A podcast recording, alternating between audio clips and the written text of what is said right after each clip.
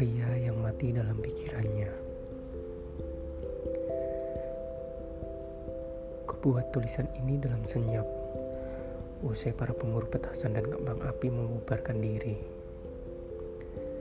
Tapi ku yakin mereka hanya berpindah tempat tidak pulang ke rumah dan memilih begadang sampai subuh. Bodoh amat bukan urusanku. Terpenting dari rumahku sudah sepi dari hingar-bingar.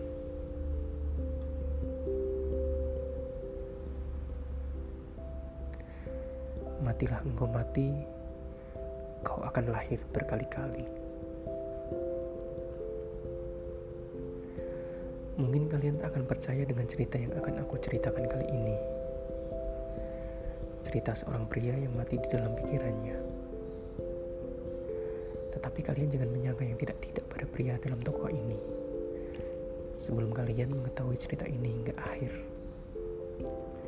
Cerita yang kini hanya hening seperti menyelam di lautan yang dalam. Cerita yang sempat aku abadikan di lembar catatanku supaya menjadi pengingat di kemudian hari.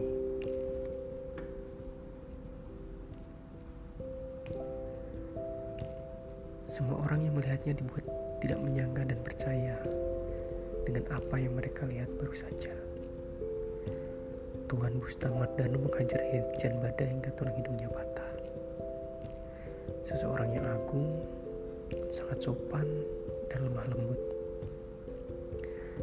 Tuan Ayah begitulah orang-orang kantor memanggilnya. Usianya setengah abad lebih. Tiga tahun lagi pensiun. Jabatannya masih pelaksana.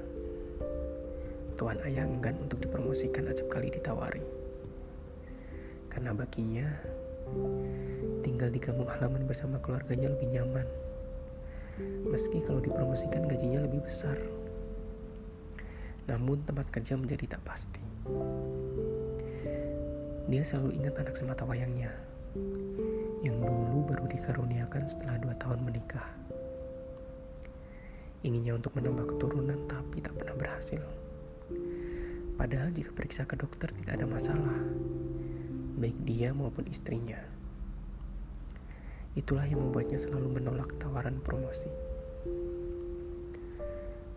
Sebelum kejadian itu, atau tepatnya setahun aku berdinas di kantor tempat tuan ayah bekerja, aku sempat bercakap pada suatu malam. Dalam suasana hening, aku menangkap raut mukanya muram. Dirinya nampak sedih.